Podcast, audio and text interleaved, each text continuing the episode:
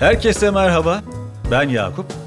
Öğretmenin Sesi Podcast'in yeni bir bölümünü dinliyorsunuz şu anda. Bu kez 24 Kasım Öğretmenler Günü vesilesiyle öğretmenlik mesleğine dair çok önemli ve pek de bilmediğimiz bir konuyu, öğretmenin iyi olma halini konuşacağız. Bunun öğretmenin ve çocuğun özne olma haliyle ve eleştirel düşünmeyle ilişkisine değineceğiz. Bu, bu bölümü özel kılan durumlardan biri aynı zamanda. Öğretmenlik mesleğini hepimiz biliriz. Çünkü e, öğretmenlikle, öğretmenlerle e, ilişkimiz hayatımızın bir döneminde mutlaka olmuştur. Bilmediğimiz birçok şeyi öğretmenlerden öğreniriz. Onların çocukların başarılı ve e, mutlu olmasında büyük rol sahibi olduklarını söylememize gerek yok sanırım. Ama öğretmenlik mesleğiyle ilgili bildiklerimiz kadar bilmediklerimiz de var. Hatta bilmediğimiz çok şey var. Özellikle pandemiyle daha belirgin hissettiğimiz şeylerden biri oldu. Öğretmenlerin her gün çok çeşitli sorunlarla karşılaşması. Çocukları hayata hazırlamak gibi sorumluluğu yüksek bir iş, e, profesyonel bir iş öğretmenlik. Kişisel ve e, mesleki gelişimlerini sağlamak için e, sürekli öğrenmeye devam ediyorlar. Pandemi gibi zorlu şartlarda mesleklerini icra etmeye devam ediyorlar ve bir yandan da çocuklar ve velilerle bu zorlu süreçte sürekli temas halindeler öğretmenler. Bu durum stres, kaygı, tükenmişlik, motivasyon kaybı gibi baş etmesi güç e, pek çok duyguyu beraberinde getiriyor. Hal böyle olunca da dedik ki öğretmenlerin iyi olma haliyle ilgili bilmediklerimizi konuşmaya başlamak için bugün en doğru zaman ve bu vesileyle de Seval hocamla mikrofonların başına geçtik. Ben sorularımı hazırladım. Seval hoca da bunlara yanıt verecek. Seval hocam hoş geldin. Hoş buldum Yakup. Ya bugün aslında e, Hatay'da da görev yaptığın için biraz Hatay yemeklerini de ve oranın yemek kültürü üzerine de konuşasın var ama bunu başka bir zamana ayıralım. O yüzden bu meseleye odaklanalım istiyorum. Nasılsın? Her şey yolundadır umarım. Öncelikle Hatay'a her zaman bekleriz. Buyurun gelin. Öğretmenin iyi olma halini konuşacağım için daha iyiyim. Şahane. Yani ben de hem merak içerisindeyim hem de yani girişten de sanıyorum dinleyenlerimiz anlamıştır. E, bu kadar uzun tutmuyordum genelde girişleri. Bir yandan özel de bir bölüm. Hem 24 Kasım Öğretmenler Günü vesilesiyle bu bölümü bu konu bağlamında ele alıyoruz. Bu açıdan da özel ve dikkate değer, dikkat çeken bir bölüm olmasını istiyoruz. Açıkçası heyecanlıyım konuşacaklarımız hakkında. Seval Hocam, şimdi iyi olma halini çok sık duyar olduk. Bu her zaman bir meslekle ilişkilendirilmeden de karşımıza çıkabiliyor. Örneğin çocuğun iyi olma hali, e, bireyin iyi olma hali gibi kavramlara rastlar olduk çeşitli alanlarda, ortamlarda yahut raporlarda, çalışmalarda. Sıkça karşılaştıklarımızdan biri de son zamanlarda özellikle öğretmenin iyi olma hali. Pandemiyle beraber e, daha da dillendirilmeye başlandı sanki. Bilmiyorum senin bu konudaki gözlemin ya da yorumun nedir ama e, şöyle sorayım. Nedir öğretmenin iyi olma hali? Neleri gerektiriyor? Nasıl bir süreç? Senden şöyle bir özet isteyeyim bu konuda. Teşekkürler Yakup. Aslında evet söylediğin gibi iyi olma hali meselesi pek çok e, alanda daha fazla duymaya başladığımız bir şey. E, çocuğun iyi olma hali, doktorların iyi olma hali, hemşirelerin iyi olma hali, işte sağlıkçıların. Çünkü pandemi e, hepimizi iyi olmamız gerektiğine aslında biraz farkındalık sağladı bu konuda diyebilirim. Öğretmenin iyi olma hali meselesinde öğretmenin kendini nasıl hissettiği işinde e, nasıl görev yaptığıyla ilgili e, bir takım bilişsel, psikolojik, fiziksel ve sosyal öğelerden oluştuğunu e, söyleyebilirim. Pek çok bağlamdan etkileniyor ve birçok yönden eğitim süreçlerini ve çıktılarını aslında etkiliyor. Teşekkür ederim bu girizgah için. Şimdi girişte de vurgulamaya çalıştım. Stres, depresyon, tükenmişlik, yılgınlık Galiba öğretmenlerin e, son dönemde çokça yaşadığı duygular ama bir yandan da meslek hayatlarında çokça da hissettikleri duygular diye düşünüyorum. Özellikle e, pandemide öğretmenlerin iş yükünün artması ve değişmesi ve işe bağlı stres gibi durumlar öğretmenin iyi olma halini sanıyorum daha çok e, konuşmamıza vesile oldu. İyi ki de oldu aslında böyle bir konunun gündeme gelmesi bu bağlamda iyi. Peki öğretmenin iyi olma hali eğitimde neden önemli? Aslında öğretmenin iyi olma halini konuşurken e, şunu her zaman aklımızda tutmamız gerektiğini düşünüyorum. Bütün bireyler, e, tek ve özeller ve bütün bireyler hangi meslek e, grubunda çalışıyor olurlarsa olsunlar iyi olma halini hak ediyorlar. Ama biz bugün öğretmenin iyi olma hali bağlamında konuşacağımız için zaman zaman çocuğun iyi olma haline de aslında değinmek zorunda olduğumuzu hissediyorum bir öğretmen olarak tabii ki. Öğretmenlik çok e, sosyal bir meslek. Yani sürekli e, başkalarıyla ilişki halinde olduğumuz bir meslek e, ve başkalarıyla ilişki halinde olduğumuz zaman e, kendi duygularımız, kendi düşüncelerimiz, kendimizin günlük hayata getirdiğimiz pratikler dışında başkalarıyla beraber olduğumuz için e, duygularımız aslında ya da işte iyi olma hali dediğimiz şey çok fazla başkalarından etkileniyor. Bu sosyal iyi oluşla ilgili o başta söylediğim tanımda bir sosyal ilişki ağının içindeyiz. Meslektaşlarımız var, yöneticiler var, öğrenciler var, veliler var ve o senin başta söylediğin işte çocuğu geleceğe hazırlamak, gelecek mesle meslek meslek edindirmek belki de e, bir yerde. Büyük bir sorumluluk aslında. Bu sorumluluk büyük bir stres sağlıyor diyebilirim. İşte bir 8. sınıf öğretmeninin e, ya da işte lise son sınıf öğretmeninin ilk aklıma gelen ama tabii ki bunlar işte e, şey için bunları işte sınav va hazırlayan öğretmenler için e, söylüyorum. Diğer taraftan okuma yazmaya geçirmeye çalışıyorsa bir öğretmen öğrenciyi bunlar strese sebep e, olabiliyor. Çünkü toplumun bir beklentisi var. Veliye anlatmak zorunda, e, idareye anlatmak zorunda, yerde topluma anlatmak zorunda ve belki de başka meslektaşlarına başkalarına anlatmak zorunda. Bunlar ciddi anlamda e, strese sebep olabiliyor. E, bunun yanında fiziksel, zihinsel iyi oluştan da aslında biraz bahsetmek isterim. Bu, burada da yani işte o çalışma koşulları aslında işte öğretmenler e, bazen 45, 50 hatta 60 da duyuyorum böyle büyük şehirlerde ya da belli olanakların olmadığı yerlerde çok kalabalık sınıflarda aslında çok e, gürültüye maruz kalıyor öğretmenler. Ve işi çocuklarla olan, gençlerle olan e, bir e, insanların sus deme gibi bir lüks yok. Gürültü olmasın deme e, gibi bir lüks yok. Bunlar böyle fiziksel koşullar içinden konuşabileceğimiz şeyler. Aynı zamanda ayakta ders anlatmak e, ta aslında işte çeşitli ağrılara, fiziksel sorunlara sebep olabilir. Bunun dışında bilişsel iyi oluştan da biraz böyle bahsetmek istiyorum. Bilişsel iyi oluşta beceriler, yetenekler, öz yeterlilik, başarıyı yakalamaya duyulan inançtan aslında bahsedilebilir ve yine aslında başkalarıyla beraber iş yapıyorsun ve başkalarıyla beraber iş yaptığın için, kolektif bir iş yaptığın için orada bazı şeyler sekteye uğrayabiliyor ve öğretmen başkalarıyla beraber iş yaparken bir paydaşlık kuramıyorsa, işbirliği kuramıyorsa e, bilişsel olarak da e, belki bir şeyleri değiştirecek, e, dönüştürecek e, güce sahip hissetmeye e, biliyor. Şimdilik böyle diyebilirim. Hazır e, bu konunun eğitimdeki önemine değinmişken e, yine o kanaldan devam edelim isterim hocam. Bu durumun yani öğretmenin iyi olma halinin eğitim pratiklerindeki etkilerini sen nasıl gözlemliyorsun? Bir yandan da bu mesleğin bir öznesi olarak nasıl değerlendiriyorsun merak ediyorum. Eğitim sürecine ve ortamına daha da netleştirmek gerekirse çocuğun da iyi olma haline sence bu durumun nasıl bir etkisi var? Yakup şöyle, çocuklar aslında her şeyi aynalayabiliyorlar. Yani e, senin yüzündeki ifadeden mutlu olup olmadığını, iyi olup olmadığını, kızgın olup olmadığını pek çok şey anlayabiliyorlar. Bu e, aslında çok kıymetli e, bir şey. Çünkü empati becerileri çok yüksek oluyor çocukların ilk yıllarda. E, her ne kadar sonradan e, zayıflasa da iyi bir yüzle, iyi bir mesajla sınıfa girmek çok kıymetli, çok önemli. Şeyi düşünüyorum hep, işte kendim yorgun olduğum ya da herhangi bir sebepten dolayı mutsuz olduğum zamanlarda sınıfa girmek zorundayım ama bunu çocuklara yansıtmamam gerekiyor. Onlar için güvenli bir ortam oluşturmam gerekiyor. Onlar için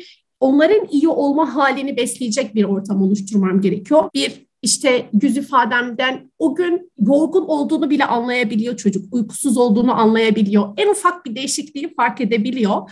Ve eğer e, güçlü bağlar kurduysa öğrenci öğretmeniyle e, o anda e, bazı böyle tehlike sinyalleri çocuk için, çocuk açısından ortaya çıkabiliyor. Öğrenmeyi zorlaştıran bir şey. Öğrenmeyi zorlaştıran bir şey olduğu için de aslında pratikte daha çok belki konuşmayı gerektiriyor. İyileştirilebilir mi? İyileştirilebilir. E, ama bunu iyileştirmek için daha çok zamana, daha çok enerjiye ihtiyacımız var. E, bunlar da aslında e, bir başka yönü, başka bir tartışılması gereken e, bir şey olduğunu e, düşünüyorum. Yani öğretmenin e, sosyal duygusal sermayesi sınıfa e, taşıdığı e, bir takım özellikleri beraberinde getiriyor. Öğretmen ne kadar yılmazlık becerisine sahip, ne kadar kendi duygularını regüle edebiliyor. Buna ne kadar sahipse e, o kadar e, iyi olabiliyor. Çocuğun iyi olma hali o, şekilde e, gidebiliyor. Ama burada e, bir şeye özellikle dikkat dikkat çekmek istiyorum. E, öğretmen bir birey ve iyi olmayı kendiliğinden zaten hak ediyor. Ama eğer şunu konuşuyorsak samimi bir şekilde çocuğun iyi olma halini konuşuyorsak e, burada çocuğun iyi olma halinin öğretmenin iyi olma halinden geçtiğini, bunun çok çok önemli bir yer e, ettiğini e, konuşmak gerekiyor, atlamamak gerekiyor. Ağzına sağlık hocam. Ee, şeyi ben de düşünüyorum son zamanlarda. Yani bir öğretmenin sınıfa girdiğinde ya da okul içerisinde eğitim ortamlarında bulunduğunda aslında öğretmenlik disiplininin ya da mesleğinin yanında takındığı ve edindiği başka başka şeyler de var, şapkalar da var. Bir yandan bir e, psikolog titizliğini de göstermesi gerekiyor çocuğa yaklaşırken. E, bir yandan bir ebeveyn dikkatini de göstermesi gerekiyor çocuğa yaklaşırken. Sanıyorum tüm bunlar belki diğer meslekleri icra edenler kızarlar bana ama dilimi ısırarak söylemek istiyorum. Yani öğretmenlik bu bakımdan diğer pek çok meslekten e, ağırlık bakımından ayrılıyor bence. Çünkü beraberinde getirdiği yük hem kontrol edilmesi güç bir yük hem de kontrol edildiğinde e, kişiye, o mesleği icra edene, edene çok ciddi galiba tat veren de bir şey. Ben de bunu eklemek isterim. E, son zamanlarda düşündüğüm ve e, galiba konuştuğum pek çok öğretmenden de aldığım hislerden biri bu. Senin eklemene naçizane ben de bu eklemeyi yapayım. Şimdi biraz da öğretmenin özne olma haline değinelim hocam. Özellikle bu mesleğin bir üyesi olarak yorumunu, deneyimini, gözlemlerini merak ediyorum. Öğretmenin iyi olma haliyle öğretmenin özne olma hali arasında nasıl bir ilişki var? Mesela bu kaydı dinleyenlere şöyle öz, sade bir şekilde tanımlamak, e, ilişkilendirmek gerekirse bu iki kavramı ne dersin? Yakup, özne olmak e, aslında kişinin kendi yapıp etmelerinin farkında olmasıyla alakalı, kendiyle iletişim kurmasıyla alakalı, kendiyle iletişim kurduğu zaman aslında başkalarıyla iletişim kurabiliyor ve bir faile, bir eyleyene dönüşebiliyor. Yani e, bilinçli bir eyleyene e, dönüşebiliyor. Bir bu aslında felsefi bir terim ama e, günlük pratikte yani bir düş gücü olan diye tabir edersek düşünmeye başlıyorsun. Düşünmenin yanında düşlemeye başlıyorsun aslında. Dolayısıyla e, başkalarını fark ediyorsun. Başkalarını e, fark ederken kendi eylemlerinin de farkına varıyorsun. Ama bütün bunlar için işte az önce e, saydığımız e, mesela sosyal, duygusal sermaye.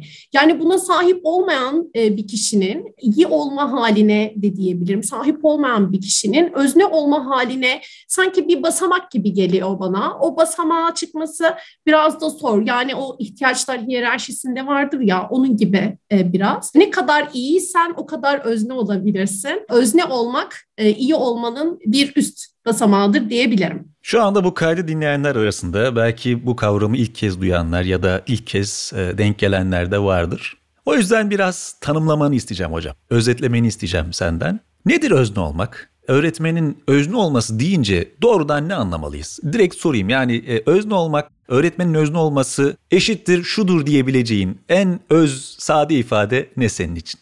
Öz sade dedin ama ben biraz yine böyle felsefeden e, gideceğim. Ondan sonra biraz böyle öğretmenin özne olma haline olduğunu söyleyeceğim. Çünkü bu aslında yeni bir kavram değil. Çok eskiden beri tartışılan bir kavram. Yani günümüzde belli idrak ve arzu hamili olan, e, etkin bir ifa eden, yani yaratan, eyleyen anlamına geliyor özne. E, burada özne öğretmen kendi pratiklerinin farkında, kendi pratiklerini iyileştirmek için, kendi mesleki de, deneyimini yönlendirmek için, mesleki kimliğini oluşturmak, biçimlendirmek ve dönüştürmek için dayanışmaya dayanan bir e, işbirliği çerçevesinde kendinin ve meslektaşlarının öğrenmesine e, katkıda bulunuyor ve bunu bilinçli olarak yapıyor. Sorunları fark etmek ya da işte problemlere yaklaşış biçimimiz böyle gelmiş böyle giderden öte acaba gitmeyecekse, bu böyle olmuyorsa ben bunu nasıl yapabilirim, nasıl dönüştürebilirim? E, soran kişi, e, soran öğretmen bence özne öğretmendir. Hocam ben şeytanın avukatlığını yapmaya devam edeceğim. Şimdi 24 Kasım bugünkü konuyu seçmemizde bu programı e, daha doğrusu bu bölümü bu odakla yapmamıza vesile olan şeylerden biriydi. Şimdi bu kayıt için başka başka konuları konuşmak mümkünken neden özne öğretmen? Özne öğretmen çünkü aslında eğitim bir krizin içinde. Yani buna dikkatlice bakan herkes bunu fark edebilir zaten bir krizin içindeydi bence pandemiden önce de. Çünkü bilgi toplumu dediğimiz bir toplumla aslında e, ilişki içindeyiz ve işte e, hakikat sonrası toplumdan filan bahsediyoruz. Çocuklar işte farklı bir çağ olduğunu söylüyoruz. Aslında bu bakış açısı her zaman öyledir. Yani işte bir, bir nesil diğer diğerinden farklıdır. Ama bugün gelinen nokta e, diğerlerinden çok farklı geliyor bize. Bu noktada işte bilgiye bu kadar çabuk erişen çocuğa acaba öğretmen ne öğretebilir ya da öğretmeli midir?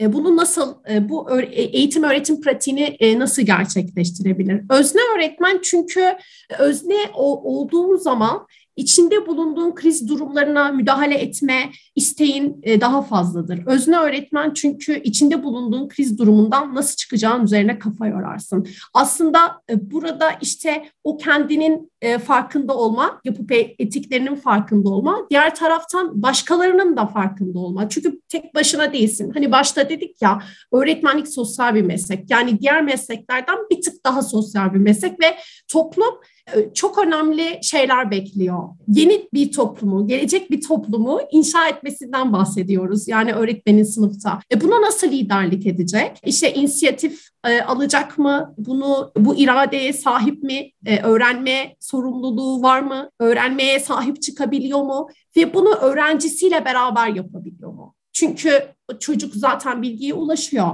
Yani işte bir, gecede şeye karar verildi. Uzaktan eğitim işte çocuklar e-içeriklerden bir şeyler öğrensinler. İşte farklı farklı yöntemler denendi ve a işte demek ki başka türlü de olabilirmiş. E, o zaman özne öğretmene daha çok ihtiyacımız var. Çünkü yeni şeyler öğretmesi gerekiyor özne öğretmenin. Özne öğretmenin değeri de daha çok e, ortaya çıktı. Çünkü işte bugün okullarda baktığımız zaman e, çocukların davranışlarına baktığımız zaman takım ihtiyaçlarının karşılanmadığını aslında okula ne kadar ihtiyaç duyduklarını görmüş oluyoruz. E, ama eski ihtiyaçlar değil bunlar yeni ihtiyaçlar. Demek ki özne öğretmenin yeni pratikler oluşturması gerekiyor.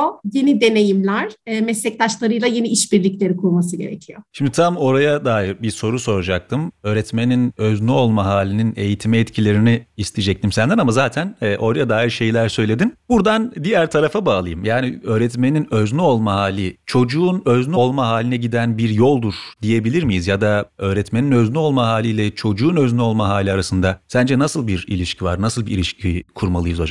Aslında en başta şunu söyleyebiliriz. Özne olmayı deneyimlememiş bir yetişkinin özne olma konusunda bir çocuğa örnek olamayacağını aslında söyleyebiliriz. Çünkü özne olmak ne demek? Yani işte inisiyatif almak, güçlü bir kimlik anlayışına sahip olmak, öz inançlara sahip olmak, e, diğerleri ile bağlantı kurmak, bir topluluk duygusunda olmak. Yani özne olmak birey olmanın ötesinde kendini başkalarıyla beraber görmek, kendine dışarıdan bakabilmek ve aynı zamanda kendinle ilişki kurabilmek. Ve bunları deneyimlememiş bir öğretmen herhalde özne çocuklar yetiştiremez. Yani özne öğretmen kavramının yanında özne çocuklar çok kıymetli, çok değerli. Çünkü biz çocukları e, birey olarak e, görüyoruz. 21. yüzyıl becerileriyle e, donatmak gayretindeyiz, isteğindeyiz. Ama bu öğrencilerin işte yaratıcı, eleştirel olmasını istiyorsak, azimli olmasını istiyorsak, bağımsız, özgüvenli olmasını istiyorsak, yılmazlık becerilerine sahip olmasını istiyorsak,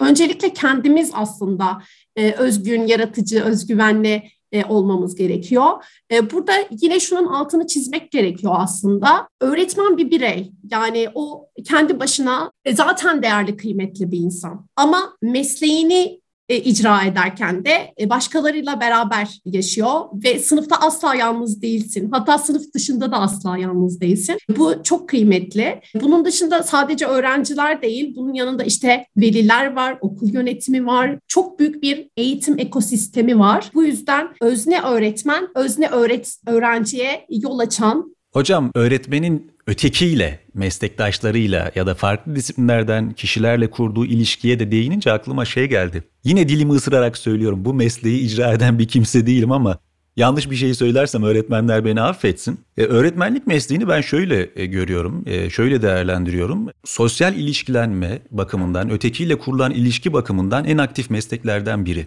Ve bu sanıyorum bu mesleği canlı ve her şeye rağmen, e, bütün olumsuzluklara rağmen diri tutan şeylerden biri. Gündelik hayattan örnek vermek gerekirse yani bir sokağı bizim için cazip kılan şey ötekiyle karşılaşma ihtimalimiz.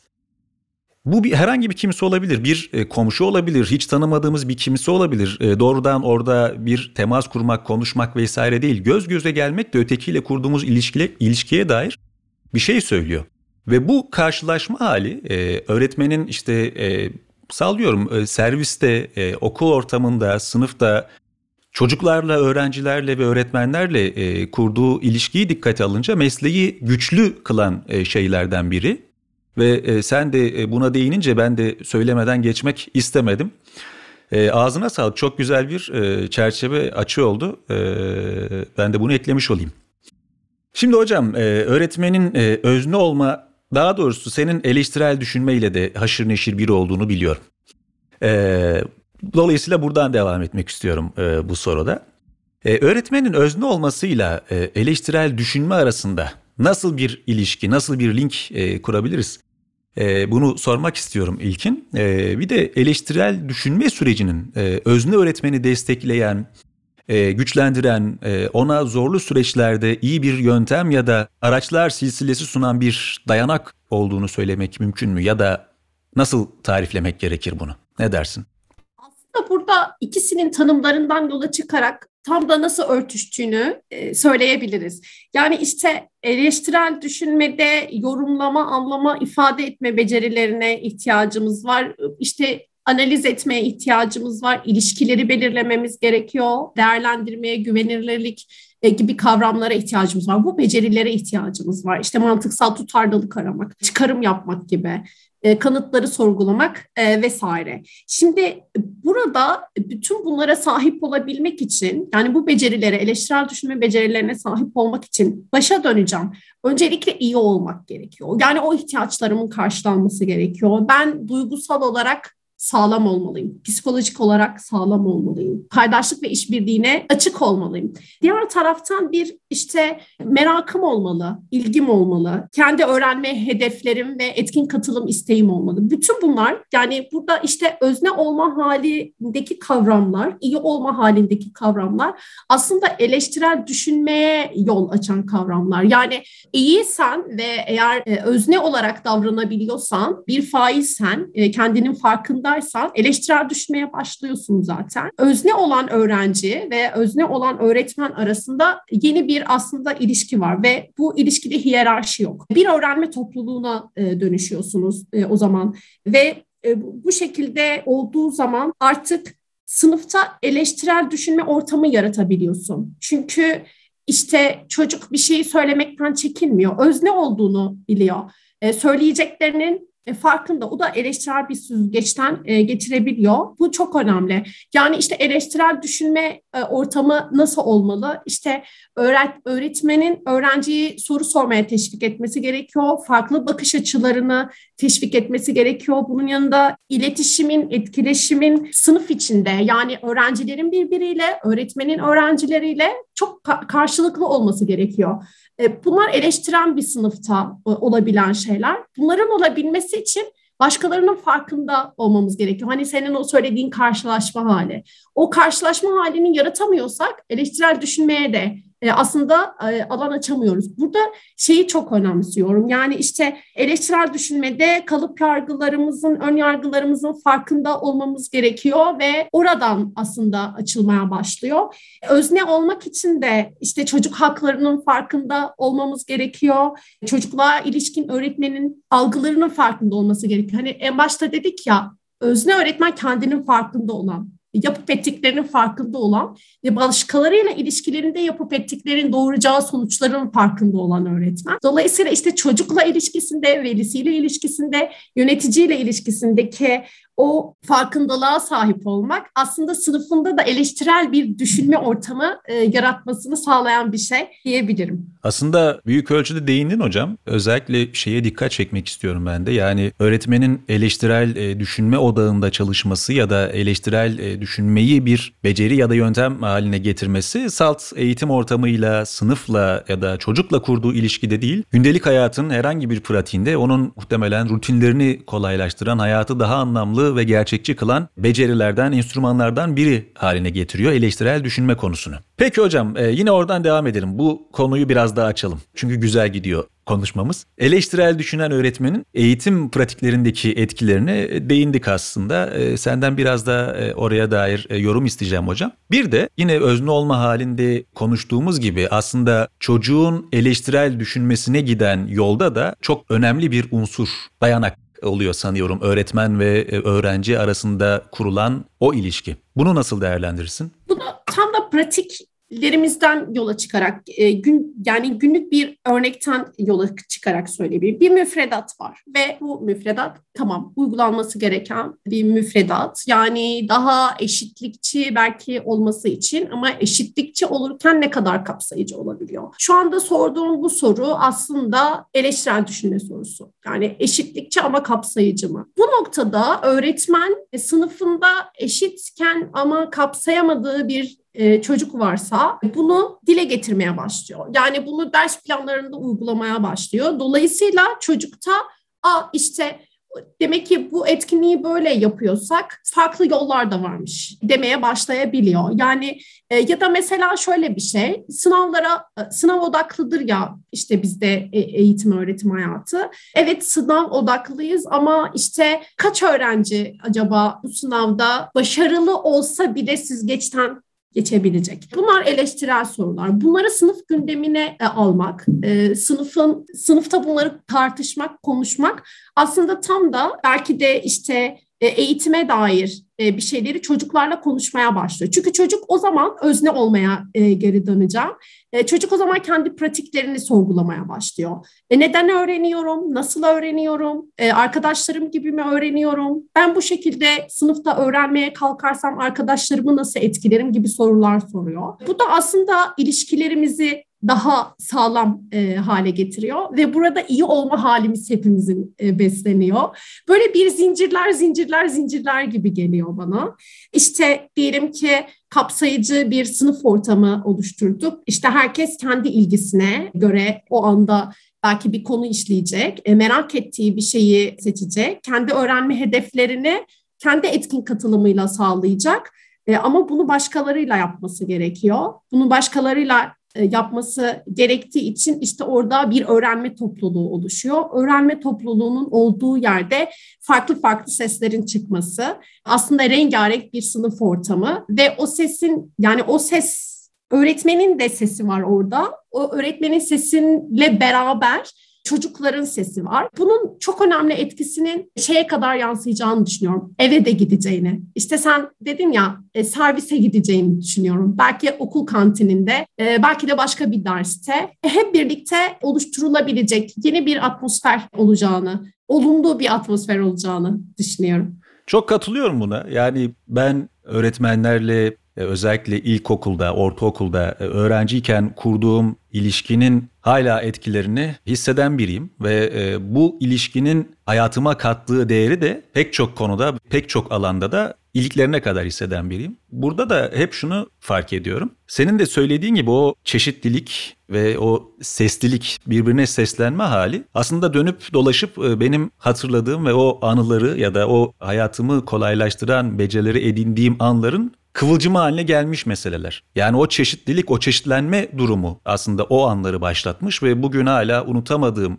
şeylerde hep dönüp dolaşıp onlara rastlıyorum. Dolayısıyla şeye çok katılıyorum. Yani öğretmenin öğrenciyle kurduğu ilişkiyi anlık bir ilişki değil bence. Yani yaşı 40'a, 50'ye, 60'a, 70'e de geldiğinde kişi öğretmeniyle kurduğu ve muhtemelen anılar silsilesinden seçtiği o en değerli an galiba senin de işaret ettiğin o anla başlayan, süren ya da o anda sınırlı kalan değerli bir şey. İnsanın dönüp dolaşıp bunu hatırlaması biraz belki çocuğun o an kendini özne olma durumunu hissetmesinden ve aynı zamanda öğretmenin çocuğa yaklaşırken ki özne özne ilişkisi kurmasından kaynaklı. Ben de bu eklemeyi yapmak istiyorum. Yani şimdi senle de konuşunca bazı şeyler e, tam da oturuyor kafamda. Öğretmenlerimle kurduğum ilişki, öğretmenlerin ta bundan seneler önce söylediği ama hala aklımda hatırımda virgülüne kadar kalan şeylerin sebebi sanıyorum biraz da bu. Beni özne hissettirmeleri yani bana kulak kabartmaları, beni sadece bir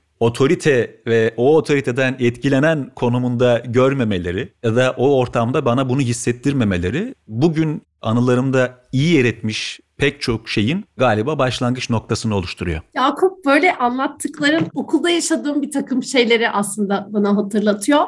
E, bu yıl böyle öğretmenler odasında bütün böyle mesai arkadaşlarımla çok yaşadığımız şöyle bir şey vardı. E, çocuklar hep masa, masanın etrafındalar ve biz e, işte e, yani 10 çocuk masanın etrafındaysa ama diğer 10 çocuğu göremezsin o anda. Çünkü sen oturuyorsundur, defteri imzalıyorsundur ya da işte başka o anda yönetmen gereken bir şey vardır, çözmen gereken bir kriz vardır ama bütün çocuklar böyle ödev gösteriyor mesela, yaptığı bir şeyi gösteriyor. İşte ağaçtan mandalina koparmış, hocam ne kadar güzel bir mandalina siz de ister misiniz gibi bir, bir bir paylaşım halinde e, sürekli çocuklar. Biz şeyi fark ettik öğretmenler odasında bu sene. Çocukların bize ne kadar çok ihtiyacı olduğunu. Bu çok kıymetli bir şey. Bu aslında en baştan konuştuğumuz o işte toplumsal bir iş yapıyoruz aslında. Çocuklar böyle özlemişler öğretmenlerini, öğretmenleriyle sohbet etmeyi. Çünkü Orada yani e, öğretmen aslında bu şey otorite ama bu otorite kelimesini şu anlamda kullanıyorum burada. Bir şeyi bilen yani bir konunun uzmanı olarak e, aslında. Çünkü işte e, ne der veliler bir şeyi yapamadığı zaman işte öğretmenine sorarsın ya da işte bunu öğretmeninle halledebilirsin gibi ya da işte bir sorunu olduğu zaman mesela velinin çocuklara çocuğuna şey gelir tutar elinden hocam işte ben söyledim yapmadı lütfen siz de söyleyin gibi. Aslında orada özne öğretmen hemen e, devreye girer. Yani işte aslında çocuğun da kendi ilgi ihtiyaçları olabileceğini, o dengeyi kurmak. Sen dedin ya işte psikolog, pedagog, belki başka başka böyle danışmanlıklar devreye giriyor. Bu yüzden bu çok kıymetli bir şey. Yani öğretmenimizle kurduğumuz duygusal bağ bu öğretmenin iyi olma halini, çocuğun iyi olma halini besleyen bir şey. Ve işte oradaki o itaat etmeme, yani itaat etmek zorunda olmama durumu bizi eleştirel düşünmeye götürüyor. Ben hep şeye inanıyorum. Yani eğer ki biz 21. yüzyıl becerileri içinde çocuklara gerçekten eleştirel düşünme becerisi kazandırmak istiyorsak, bu konuda samimiysek biraz kendimize dönüp bakmamız lazım. Çocuklarla kurduğumuz ilişkinin nasıl bir ilişki olduğunu aslında bakmamız lazım. E, dolayısıyla kendimizle olan ilişki ilişkimize bakmamız lazım. Yani o başta dedim ya tekrara düşüyorum ama o zincir zincir zincir yani halkalar hep birbirinin içine çok e, girmiş durumda. Çocuk gözümüzün içine bakıyor. Çünkü bizi oradaki böyle taat ve hiyerarşi anlamında söylemiyorum. Bizi bilen biri olarak görüyor. Deneyimli biri olarak görüyor. Aslında çocuk ona sınırlar çizmemizi ama aynı zamanda onu teşvik etmemizi, desteklememizi istiyor. Bunlar çok kolay olmayan şeyler. Başta da söylediğim gibi yani çok kalabalık sınıflar. Mesela benim okulumda 30 dakika dersler. 10 dakika teneffüste işte acaba biraz böyle kısa bir meditasyonumu mu yapmam gerekir? Öğrencimle mi ilgilenmem gerekir? O anda bir velim mi gelmiştir? Ya da okulun çözülmesi gereken başka başka durumları mı vardır? Hep aynı noktalara e, dönüp dolaşıp geliyorum. Son ben de bir ekleme yapayım tüm söylediklerine ek olarak. Yani benim hayatımla o veya bu şekilde e, benle temas etmiş öğretmenlerin galiba üzerimdeki en büyük etkisi ve hala hissettiğim şey hayatı e, boşa giden bir tebessüm olarak görmemek ve yaşamamak için bana bazı beceriler kazandırdılar. Yani bunlar şey de- demek e, değil. Yani hayata karşı, zorluklara karşı kendini hazırlamak ya da geleceğe dair daha ayakları yere basan biri olmak değil kastım. Ya da ekonomik ve e, sosyokültürel açıdan kendini ultra donanımlı bir hale getirmek değil. Sadece bu hayatı daha anlamlı ve yaşanılabilir kılmak adına ve e, bu süreci yürürken kendi yanımda götürebileceklerim konusunda e, bana iyi şeyler sundular. Hepsine minnettarım. Yani şu an saymaya başlasam e, yani %70'ini net net sayarım isimlerini. Çünkü hem e, unutamadığım anlarda ve zamanlarda hatırımdalar, e, yer ediyorlar. Hem de bana sağladıkları ve sundukları şeyler unutacağım türden şeyler değil. Hepsi var olsun sağ olsun. Hocam e, valla sohbet ne güzel akıyor gidiyor ama zaman da kısıtlı. Podcast'lerin de en sevmediğim anına geldik. Yavaştan e, sona yaklaşıyoruz. Şu ana kadar konuştuklarımızla alakalı şunu söylemezsem olmaz dediğin ya da dinleyenlere önermek istediğin bir şey var mı? Bu bir kaynak olabilir, film olabilir, herhangi bir okuma metni olabilir. Son sözü ve kapanışı sana bırakıyorum. Ah, teşekkür ederim Yakup. Çok e, keyifli bir sohbet oldu. Umarım dinleyenler için de e, öyle olmuştur. Umarım meslektaşlarımın sesi olmuşuzdur. Şunu hep aklımda tutuyorum ben. Öğretmenliğe başladığım günden beridir. Öğretmenin sesi e, çocuğun iç sesine dönüşüyor. Şimdi senin anlattığın gibi aslında. Bu çok tarifsiz bir şey. Çok önemli bir şey. Eğer öğretmenin sesi çocuğun iç sesine dönüşüyorsa o ses nasıl bir ses olmalı? Nasıl iyi bir ses olmalı? Nasıl kendine güvenen bir ses olmalı? Bunlar çok çok kıymetli bence. Çok teşekkür ederim bu alanı açtığınız için. E, sana, öğretmen ana, bütün destekçi kurum ve kuruluşlara. Seval Hocam çok teşekkürler. Bir hayli detaylı konuştuk. Önemli noktalara değindik. Yer yer anılarımızı paylaştık. E, duygusal şeylerden söz ettik. Çok keyif aldım. Hem öğrendim e, hem de gerçekten bir podcast e, için mikrofonun başına geçmiş biri olarak değil de sanki böyle karşılıklı çay kahve eşliğinde bu sohbeti yapıyormuşuz gibi hissettim. Ağzına sağlık, var olasın. Öğretmenin Sesi Podcast'in bu bölümünde öğretmenin iyi olma haline, öğretmenin özne olma haline ve eleştirel düşünme gibi çok çeşitli konulara değindik. Konuğum öğretmen ağı değişim elçilerinden Seval Binici'ydi. Umuyorum faydalı bulduğunuz ve sevdiğiniz bir bölüm olmuştur. Ben Deniz Yakup. Yeni bir bölümde görüşünceye dek kendinize iyi bakın. Hepinize bolca sağlık ve keyifli günler diliyorum. Görüşmek üzere, hoşçakalın.